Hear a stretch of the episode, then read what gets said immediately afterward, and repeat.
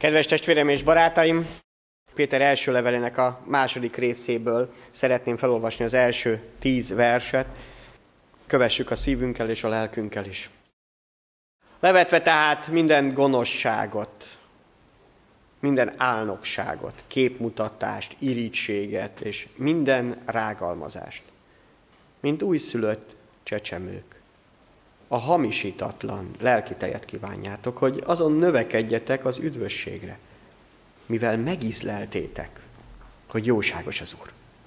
Járuljatok ő hozzá, mint élő kőhöz, amelyet az emberek ugyan megvetettek, azonban Isten előtt kiválasztott és drága. Ti magatok is, mint élő kövek, épüljetek fel lelki házzá, szent papsággá, hogy lelki áldozatokat ajánljatok fel, amelyek kedvesek Istennek Jézus Krisztus által.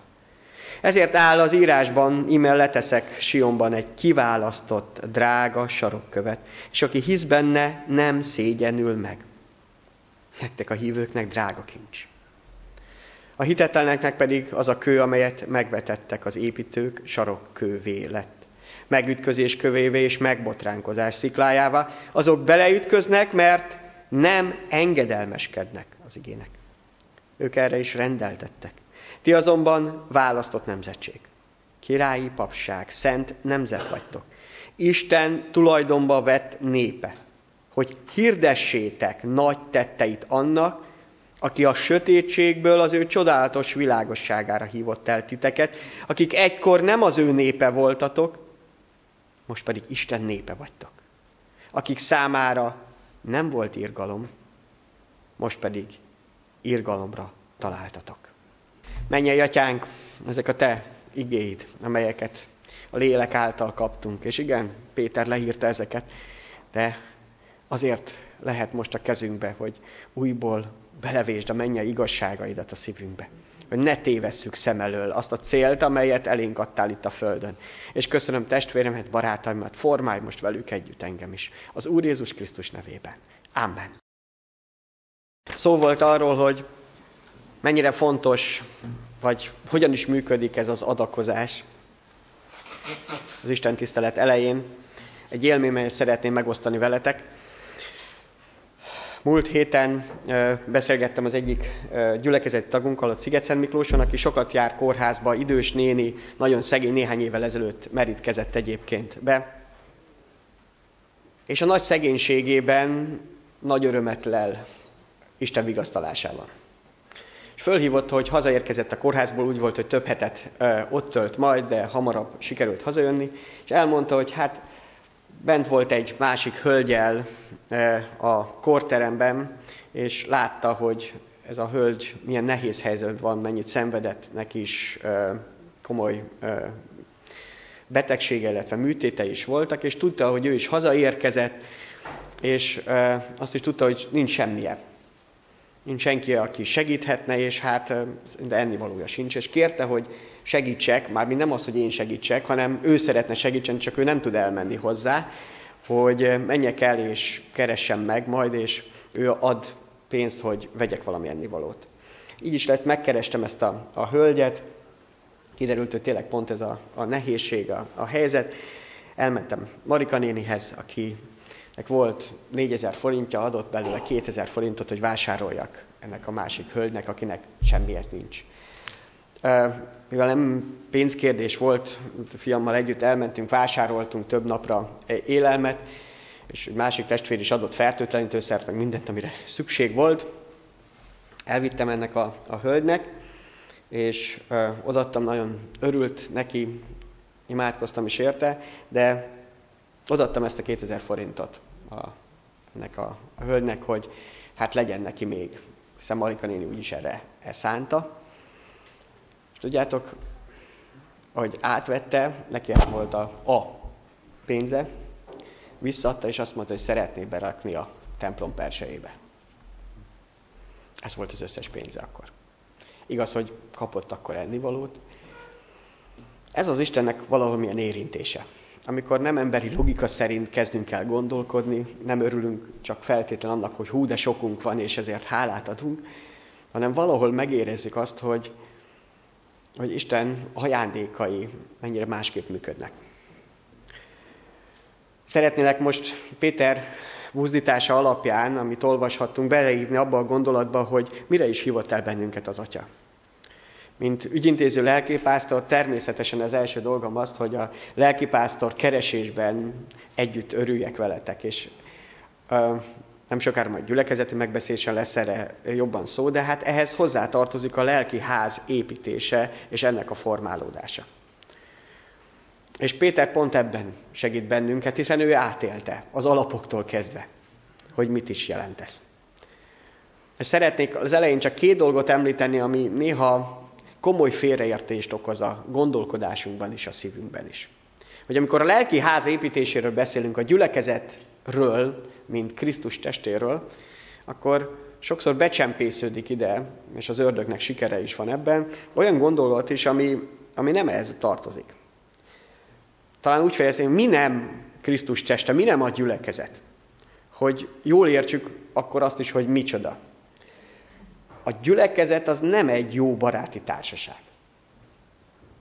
Még akkor is, hogyha erre vágyunk.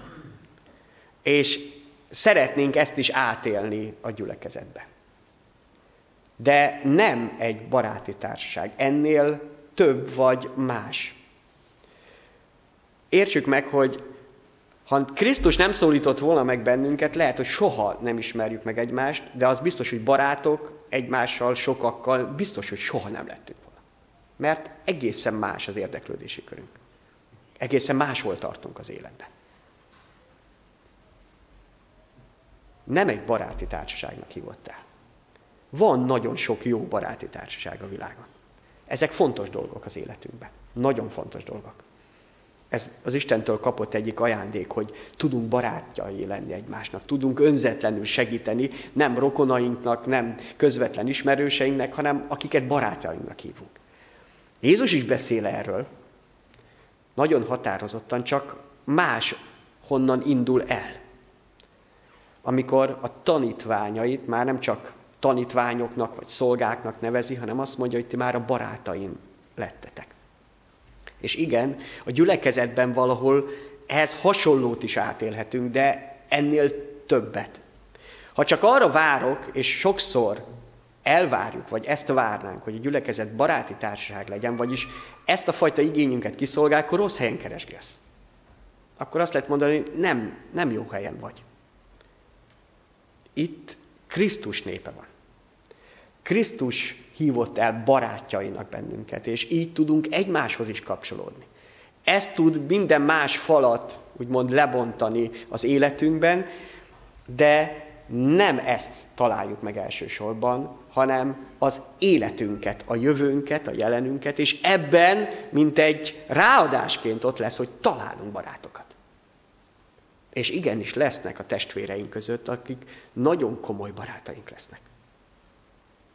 De ha fölcseréljük, hogy ezt keressük itt, akkor csalódni fogsz. Nagyon sokat.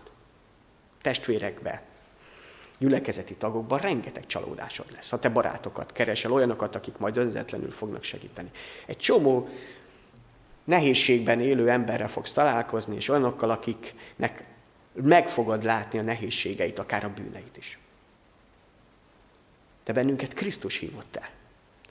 Ő benne találjuk meg azt, amit senki másban, emberekben nem lehet. Ami pont a saját bűneink miatt és a saját korlátaink miatt másokba próbáljuk megkeresni egyébként. Fontosak a baráti kapcsolatok és társaságok, Istentől való dolgok. De Krisztusban ennél többet kell, hogy várjunk magunktól elsősorban, és Krisztusban is, hogy mi az, amit tőle megkaphatunk. Aztán nem egy közös hobbi vagy érdeklődési terület klubja. Hú, nagyon sok ilyen van, és az embereket természetszerűleg vonz ez. Amikor átélhetik valami közös dologban azt, hogy mennyire egyek. De itt nem erről van szó megint csak. A gyülekezet nem ennek a helye. Ilyen van rengeteg. Kérdezzük meg azokat, akik igazán focis szurkolók, biztos, hogy itt is vannak, mennyire át lehet élni mondjuk egy Ferencváros meccsen az egységet azokkal, akik együtt szurkolnak. Hihetet, kérdezd meg őket. Nagyon át tudják élni. Hogy hogy lehet együtt szurkolni, akkor menjünk talán külföldre egy olyan csapatnál, hogy 60-70 ezer ember egyszerre szurkol egy csapatnak. Látszik az, hogy mennyire átélik mindezt. Hatalmas élmény. De nem ez a Krisztus teste. Attól, hogy együtt szurkol valaki, vagy 50-60 ezer, vagy 100 ezer ember egy csapatnak, vagy egy ország a saját foci csapatának, attól az élete nem fog megváltozni. Nem fog jobb ember lenni, nem fog a mennybe kerülni. Fontos egyébként az, hogy átéljük a közösségi élményeket. De a gyülekezet nem erről szól. Ennél több. Ha csak ez lenne, akkor tényleg meg kellene találni azt a területet, ahol jól érzem magam, ahol a hobbim, az érdeklődési területem szerint egységbe tudok lenni másokkal. Nem egymással kell egymá, ezt az egységet megtalálni valamilyen érdeklődési terület mentén, hanem Jézus Krisztusban. Óriási különbség. Ég és föld a kettő között. Ha ezt keresed a gyülekezetben, nem fogod megtalálni. Hogy veled a te elgondolásod, érdeklődési köröd szerint majd egységben legyenek a többiek. Nem ezt lehet megtalálni. Csak azt, hogy Krisztusban hogyan tudunk egységesek, egyek lenni. Ez az út vezet viszont egyedül a mennybe. Ez az, ami az életedet átformálja, az életemet valóságosan az Isten felé irányíthatja. És lehet, hogy a gyülekezetben egészen más csapatoknak szurkolók is ülnek. Más érdeklődési körülek, akiknek semmi köze nem lenne egymáshoz, sőt, bizonyos helyzetben talán ellenfeleli egymásnak. Itt van a padokban egy orvos és a betege, egy tanár és a tanítványa. Rengetegek, akik a mindennap életben talán más helyzetben vagyunk. Az ellenkező oldalon nem ellenfelei feltétlenül egymásnak. És Krisztusban mégis valami csoda történik. Valami olyan, ami máshol nem. Egy főnök és egy beosztott.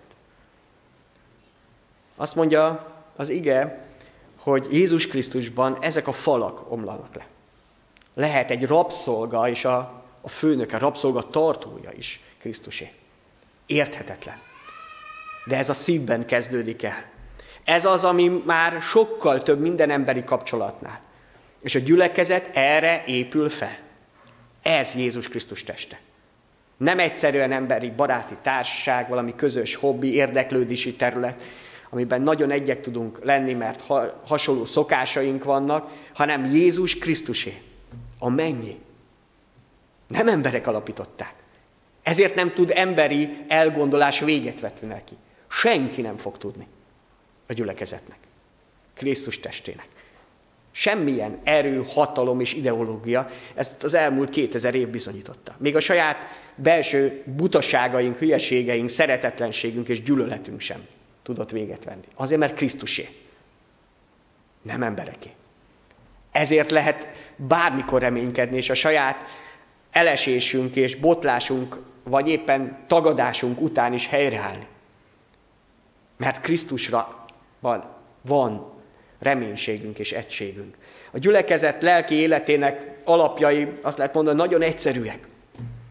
Ez Isten szeretetére épül. Nem másra. Ő hívta létre a teremtéstől kezdve. Szeretnék egy egyszerű példát mutatni a gyülekezet számára. Sziget-Szent Miklóson élek, és most is ott jöttem el mellette. Van egy híres építményünk, itt a közelben, amit majdnem minden is látszik, az az adótorony, amit 1933-ban építettek. Én nem is szembesültem ebben, csak mostanában, hogy ma is ez Magyarország legmagasabb építménye. Majdnem száz év után is. Nincs még közelítőleg sem ilyen magas. Jobban a Solti adótorony az, ami közelítőleg eh, hasonló magasságú, 314 méter. Másfélszer nagyobb, mint mondjuk a Pécsi eh, tévétorony építménye. Ez nagyon sokáig ellátta a feladatát, most már csak múzeumi tárgy egyébként, nem végzi az eredeti eh, feladatát. Ez az adótorony azért született, azért építették, hogy azt a rádió jelet, amit eh, leadnak, azt az egész országra, vagy abban a területben, amit ki tudott sugárzni, tovább sugározza. Hogy akinek van az a kis kütyüje, az a rádió eh, berendezése, az tudja fogni ezt az adást. És ezért is hozom elétek ezt a képet, mert nagyon csodálatosan mutatja azt, hogy mire hívott el bennünket az Úr. És ugye amikor arra gondolunk, hogy egy hatalmas építmény, Magyarország legnagyobb építményét kéne végiggondolni, akkor arra gondolunk, hogy annak nagyon jó alapjának kell lenni, valami nagyon stabil alapjának. Én biztos, hogy úgy gondolkodnék, hogy a, legszélesebb alapról elindulnék, és akkor így felépíteni. De ez az adótorony felépítése nagyon érdekes, hogy ez majdnem száz évvel ezelőtt úgy gondolták, hogy másképp is lehet terhet hordani, és stabilan valamit elkészíteni.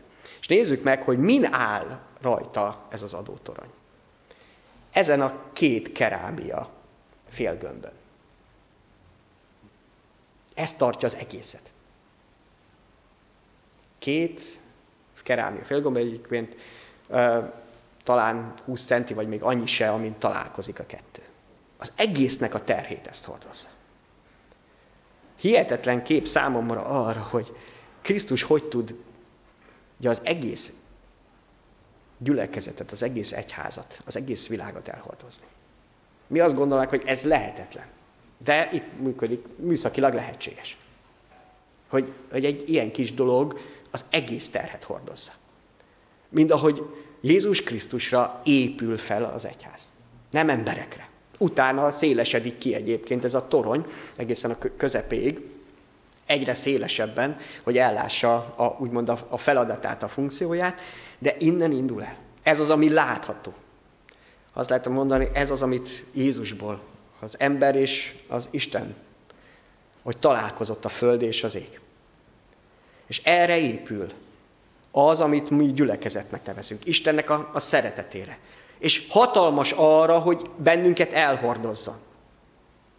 És mindig erre emlékeztet engem ez, a, az az építmény. Hogyha egy meg lehetett emberi építkezéssel tenni, Isten honnan inkább nem tudná megtenni, nem tudta megtenni azt, hogy Jézus Krisztuson áll. Az egész gyülekezet. És nagyon érdekes az, hogy így lehetett a legstabilabb hány vihart ért túl? Két, vagy egy világháborút, egy forradalmat. És meg annyi vihar, az összes vihart, ami Magyarországon azóta volt. És egyszer sem tölt el. Sőt, pont ez biztosította azt, hogy rugalmas legyen. Nyolc tartókötél tartja egyébként, ami egyenesben tartja ezt a, a tornyot. Ezek azok, amelyekhez a földhez rögzítik, és nem dől el. De ugye nem ettől függ maga ez a kis talap tartja.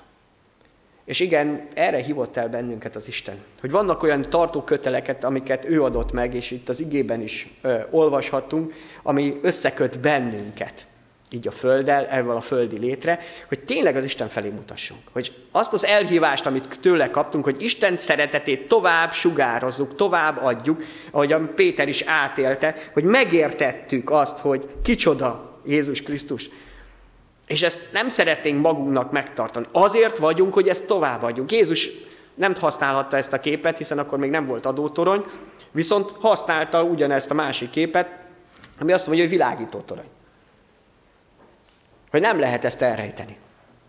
Azt, amit meggyújtottak, azért gyújtották meg, hogy világítson. Ezért van a gyülekezet. Hogy Isten szeretetét, amire épül, az tényleg továbbadja.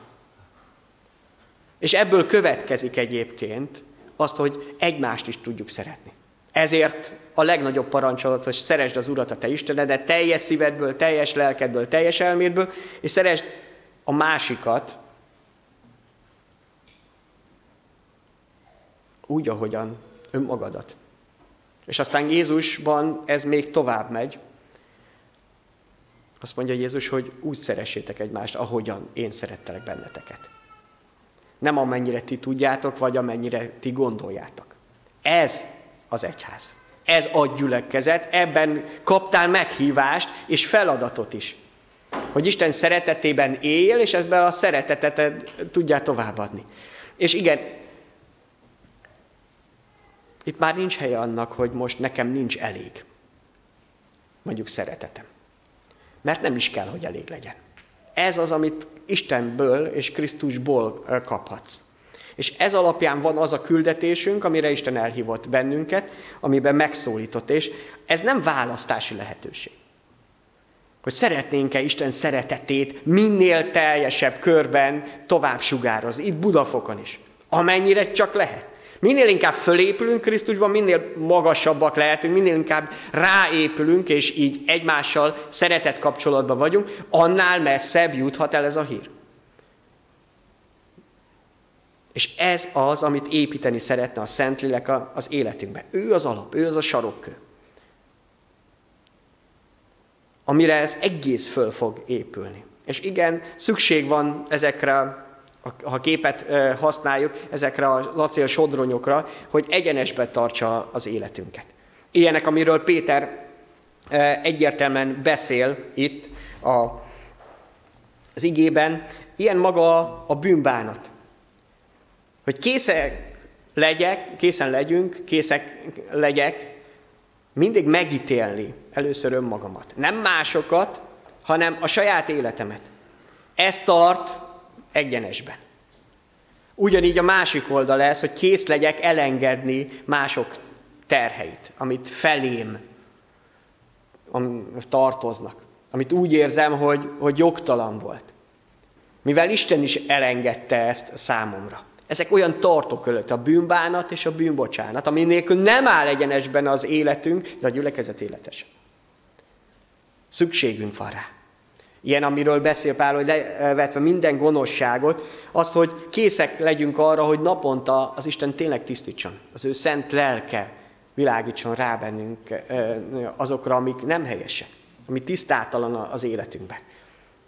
És ne rejtegessük azokat, hanem az Isten világosságra hozzuk. Hogy formálhatóak legyünk. Hogy bele tudjunk épülni abba az építménybe, abba a lelki házba, melyet Jézus Krisztus hozott létre. Pont oda, ahova neked kell épülni. Ez formálhatónak kell lenni. Hiszen azokat a vasdarabokat is, vagy egy, tényleg egy kőépületre gondolunk, azokat a téglákat is el kellett készíteni olyan formára, hogy azok pont oda legyenek rakhatóak. Formálhatónak maradni mindvégig, nem bekéményedni. Az emberi lélek sajnos a sok rossztól be tud keményedni teljesen automatikusan jön el az az életünkben. Az Isten szeretetet tudja felpuhítani az életünket. Amikor elfogadjuk tőle a kegyelmet, és mi is tudunk kegyelmet gyakorolni mások felé. Nem megérdemelt módon, hanem azért, mert az Isten is szeretett bennünket. Ő előbb szeretett, nem a mi szeretünk van előbb. Ezért ne hivatkozz arra, hogy te nem tudsz jobban szeretni, vagy előbb. Nem is kell, hiszen ő előbb szeretett ebből a szeretetből lehet táplálkozni, és kell kötelezően a gyülekezet számára. Nem emberi szeretetre hívott, nem baráti társaságra, nem közös érdeklődési körre, hanem Jézus Krisztusra felépülni, és Isten szeretetét továbbadni. És igen, ehhez elengedhetetlen az az alázat, amelyre elhívott bennünket. Amikor, és nem olyan régen pont, amikor szolgáltunk, tudok felnézni másokra, följebb. És az a szentség és engedelmesség, ami nélkül nem működik. Az Isten országa a gyülekezet. Hiszen Jézus Krisztusra épül mindez föl. És ebben a, az épületben élő kőként mindenkinek helye van. Ezt újból és újból meg kell érteni. Nincs olyan a gyülekezetben, hogy valaki létszámon fölül lenni, fölösleges. Ő csak ezt vagy csak azt tudja hozzátenni. Pont azt, amire Isten elhívott. Nem többet és nem kevesebbet. Neked nem más helyét kell uh, kipótolnod, nem más helyén kell helytállnod, hanem csak a saját helyeden. Ott, ahol te élsz, abban a családban, azon a munkahelyen, azon a környéken, te vagy az a láncszem, te vagy az a része a gyülekezetnek, ahol te tudsz bizonságot lenni Isten szeretetének. Mindenkinek helye van. Persze mondjuk, hogy kitüntetett helyek itt elől, aki éppen beszél, vagy különböző szolgáltak a végünk, lehet. Valami jobban látható. De semmivel sem kevésbé fontos egyik vagy a másik. A te szolgálatod, a te helyed, amire Isten elhívott, ugyanolyan fontos. Ebben a lelki házba neked feladatod, szereped van. Persze vannak, akik sokkal nagyobb terheket hordanak. Akik ezt fölvállalták az Isten előtt. Tényleg így van. De mindenkinek van feladata. És szükség is van mindenki számára. Még akkor is, hogyha talán ez a hely változhat az Isten akarata szerint. Hogy mit és milyen szolgálatot, feladatod van. De a lelki ház építése rajtad is áll. Hogy el ne felejtsd, hogy Krisztus hívott el erre. Hogy ez egy különleges mennyei csoda. Ami nem emberi logikával érthető el, és ne is próbáld megtenni. Próbáld mindig az Isten lelke által és az ő igéjével, hogy megérthess, hogy, hogy miért is vagy itt. Akkor leled majd örömödet ebbe a lelki házba, a gyülekezetbe. Nem problémákat látsz benne, hanem azt az áldást, amit az Isten adott. Még ha a problémák akkor is ott vannak. Hiszen Jézus Krisztus ugyanezt élte meg. Látta a problémáinkat, ezért jött el. És mégis azokban a tanítványokban, akik annyira nehezen tudtak néhány dolgot megérteni, valódi és élő közössége lehetett. Halál előtt azt mondta, hogy annyira vágyom, hogy veletek együtt legyek. Azokkal az emberekkel, de hogy is nem azt látta bennük, hanem azt, amit már az atya formált. Hogy ők már a mennyhez tartoznak. És igen, így lehetünk így. Itt. Nem mi választottuk egymást, hanem Jézus Krisztus választott arra, hogy az ő dicsőségéről beszéljen az életünk. Úgy is, mint amikor egységben tudunk lenni a Jézus Krisztus egységében. Hogy vele lehetünk közösségben. És akkor tényleg egyre messzebb sugározhat a gyülekezetnek is, a Budafoki Baptista gyülekezetnek is az adása.